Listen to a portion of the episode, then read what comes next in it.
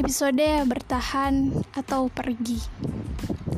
Pagi menjelang siang, hari itu kamu berada di ruangan perpustakaan. Seorang laki-laki menghampirimu dengan lirih dia berkata, "Aku harus pergi.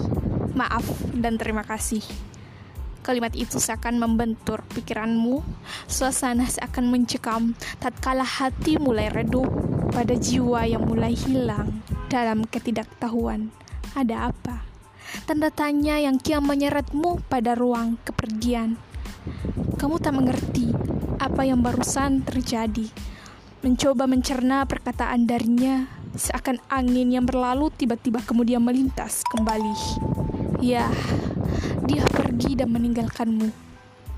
Memilih tetap bertahan atau pergi, hal itu yang menjadi pilihanmu untuk segera diputuskan.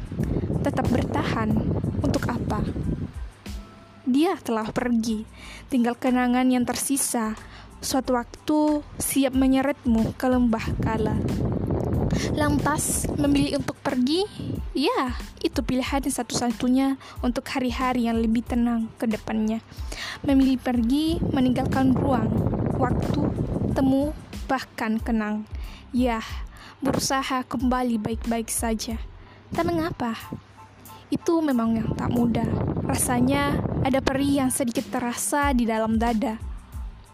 Ada waktu bayangan tentang dia kembali menyibak di kesempatanmu, terbayang akan dia yang selama ini mengisi hari-harimu. Kini semua berubah. Dia telah pergi dan menyisakan luka yang sedikit tak percaya lagi pada pertemuan. Perpisahan menjadi awal dari kerenggangan, menciptakan muasal prasangka dan asal dia perlu tahu bagaimana memperjuangkan rasa yang pernah hilang tatkala kamu dan dia pernah di suatu ruang yang sama.